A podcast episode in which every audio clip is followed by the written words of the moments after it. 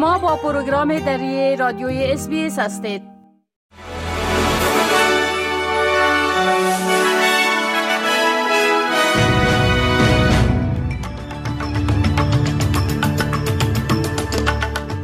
با عرض سلام ما صاحب شکیب شما را به شنیدن مهمترین اخبار امروز 22 ماه سپتامبر سال 2023 دعوت می کنم.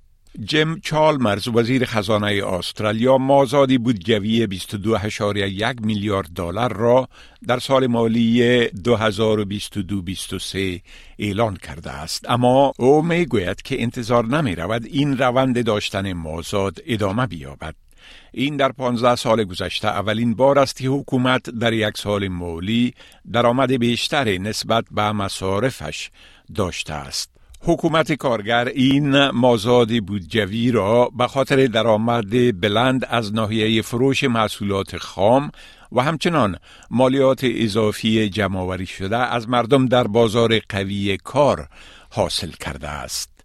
یکی از رهبران ارشد قبیله یولنو و فعال حقوق مدنی از قلمرو شمالی می گوید که در همه پرسی صدای بومی ها در پارلمان رأی منفی خواهد داد و استدلال کرده که رأی بله گام دیگر در جهت ادغام مردم او است. دکتر جنینی گوندارا می‌گوید که این صدا نمی‌تواند از دیدگاه های همه مردم ملل اولی نمایندگی کند و معتقد است که این کار استقلال و حاکمیت را تضعیف خواهد کرد. خدمات اضطراری قلمرو شمالی برای وضعیت آتش سوزی فاجعه بار آمادگی می گیرد و در منطقه بارکلی ممنوعیت کامل آتش سوزی را اعلان کرده است. ممنوعیت کامل آتش سوزی برای بخش های وسیع از قلمرو شمالی از کالگارینجی تا تننت کریک تا نیمه شب جمعه صادر شده است. اداره هواشناسی هشدار داده که خطر آتش سوزی امروز شدیدتر خواهد بود. تلفات ناشی از حوادث ترافیکی در استرالیا افزایش یافته و تنها در ماه گذشته بیش از یکصد نفر در تصادفات ترافیکی جانهایشان را از دست دادند. ارقام جدید وزارت فدرالی ترانسپورت نشان می دهد که این بلندترین میزان تلفات ترافیکی استرالیا است که از ماه آگوست سال 2018 به این سو ثبت شده است. نیو ساوت ویلز و استرالیای جنوبی بلندترین افزایش را که بیش از 20 فیصد است ثبت کردند. معمورین امریکایی با طالبان در دوحه در مورد مبارزه با مواد مخدر مذاکرات انجام دادند. طبق یک گزارش بی بی سی کرن دیکر شارژدافیر سفارت امریکا در کابل که از دوحه پایتخت قطر کار می کند در یک پیام در اکس نوشته که آنها در این دیدار درباره ریشه کنی ممنوعیت درمان اعتیاد و معیشت های جاگوزین مواد مخدر در افغانستان بحث و گفتگو کردند.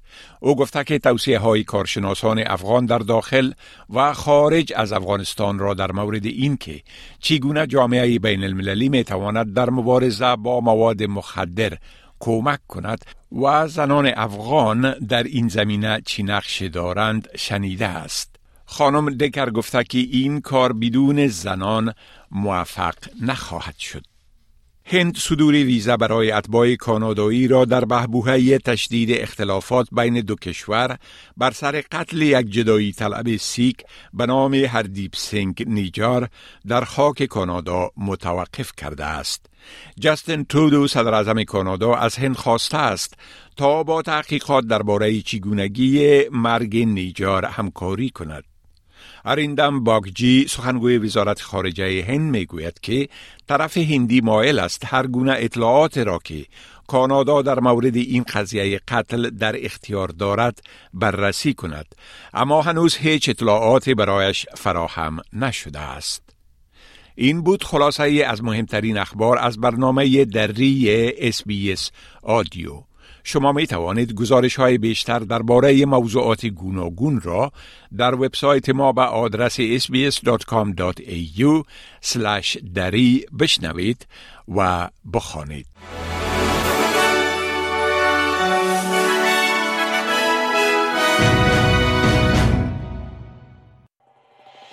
می خواهید این گونه گزارش ها را بیشتر بشنوید؟